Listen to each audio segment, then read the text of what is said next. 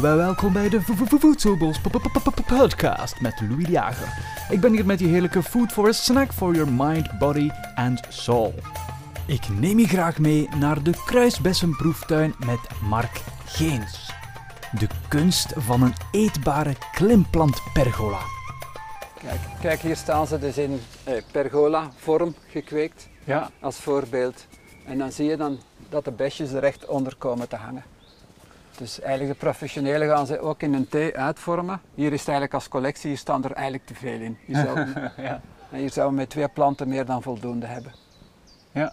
Wat is nu eigenlijk de kunst om op een deftige manier eh, planten op een pergola te laten groeien? Want ja, dat, dat lijkt eigenlijk wel redelijk uitdagend om te Wel, doen. eigenlijk, wij, wij, bin- wij laten de plant, wij binden ze vast aan een steun. Ja. Op een bamboestok of in dit geval hebben we een, een, eh, stelling, eh, een soort definitieve pergola gebouwd. Ja. We laten ze in één keer naar boven groeien.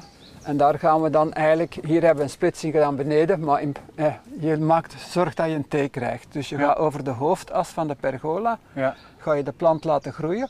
En dan ga je daarop het jaar nadien eigenlijk zijtakken laten kweken.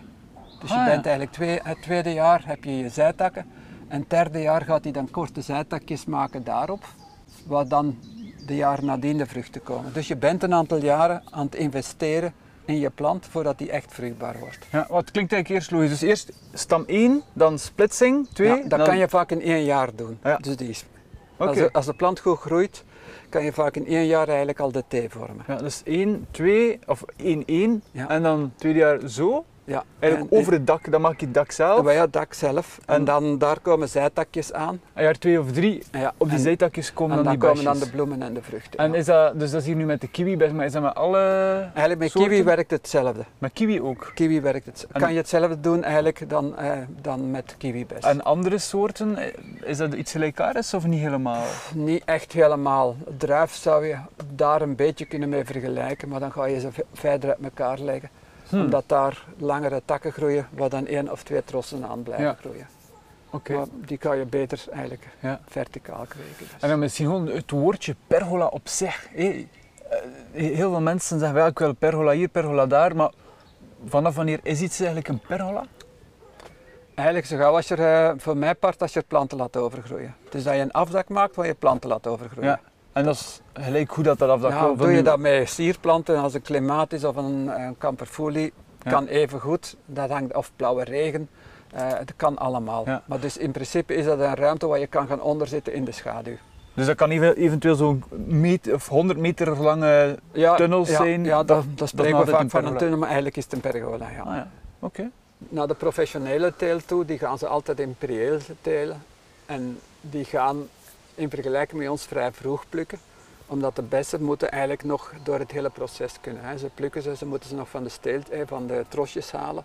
In bakjes leggen, ze moeten dan helemaal door de winkelketen. Dus zij plukken ze vrij vroeg. Wij laten ze echt zacht worden, eh, echt rijp worden aan de struik. Dan hebben ze meer aroma. Dat is met heel veel fruitsoorten. Zo denk aan kruisbessen, die zijn zuur als je ze koopt. Ja. Eh, als je ze zelf plukt, kun je ze rijp laten worden, dan worden ze zoet. Dus een totaal verschil in smaak.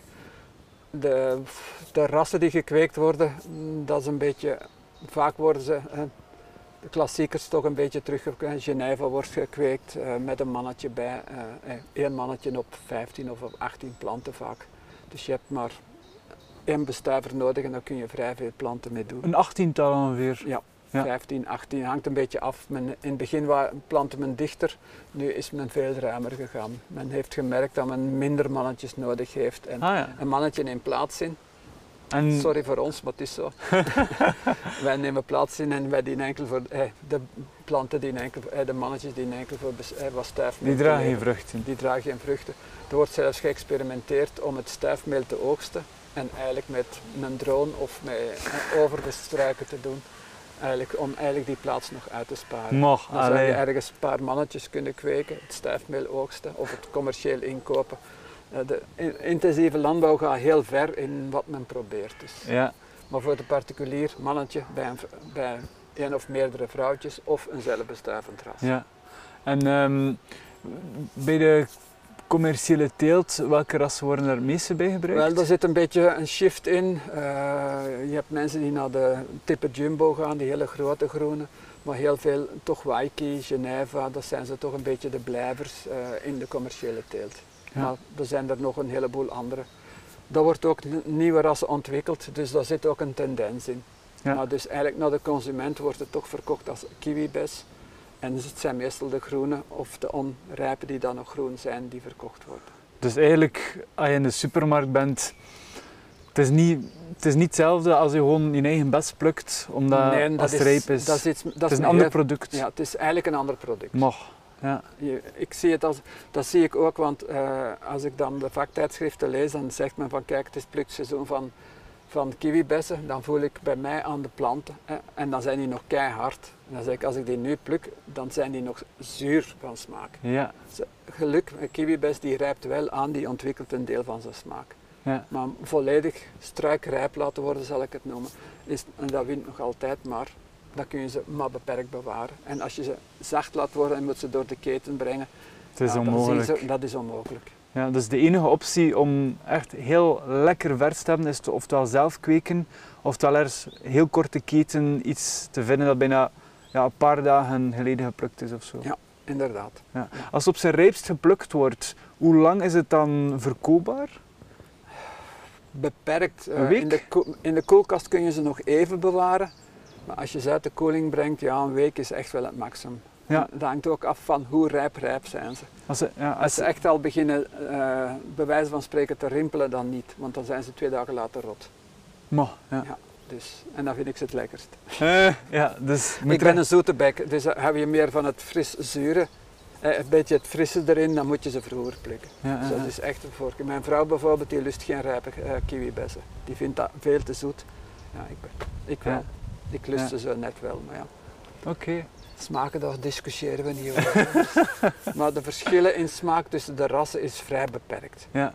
Het zijn heel kleine subtiele verschillen. Ik vind het een veel groter smaakverschil beginnend rijp of heel rijp. Dan ga je van dat licht zure dat een beetje aan kiwi doet denken, naar echt het heel zoet aromatische dat eigenlijk een smaakgroep op zich is. Ja, ja. Dus je, je raadt mensen aan die bijvoorbeeld een voedselbos starten om gewoon te experimenteren met heel wat verschillende soorten eh, rassen.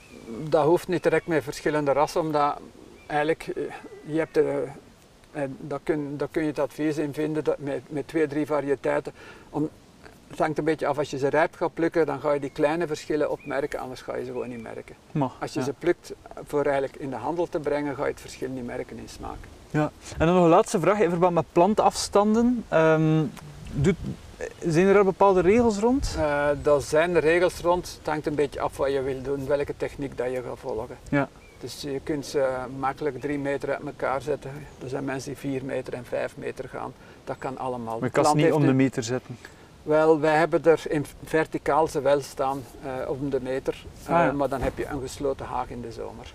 En Ah, ja. je moet er enorm in snoeien om ze een beetje ordentelijk te houden. Ja, dus, Ook kan, in de zomer. dus het is beter om ze wel uit elkaar te zetten, omdat je dat minder snoeiwerk het grote hebt. voordeel van een prieel is als je de scheuten eruit groeien, die vallen om, dat je enkel de hinderlijke daaronder. Je zou bij wijze van spreken je, je elektrische haagschaar kunnen nemen en gewoon alle takken die te hinderlijk worden onder, de, onder het eh prieel eigenlijk Ja. weg te knippen.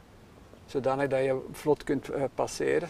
En dan na de pluk, na de, eh, in de winter moet je snoeien, maar het is een enorm snoeiwerk, want het is altijd naar boven. Oké, Je zou er eigenlijk moeten kunnen boven vliegen.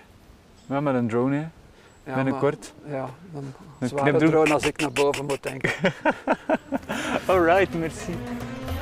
Eerst en vooral mega bedankt om mee deel te maken van de Voedselbos community. Het is ongelooflijk tof om zoveel leuke commentaren te krijgen van jullie. Laat die gerust maar komen. Beoordeel ons zeker ook op Spotify of op Apple Podcasts of waar jij dit ook beluistert. Het betekent heel veel voor een podcast, wat dan de ratings zijn. En ook dat andere voedselbossers dit kunnen vinden. Dus zeker doen, mercietjes. Tot de volgende keer. Ciao ciao!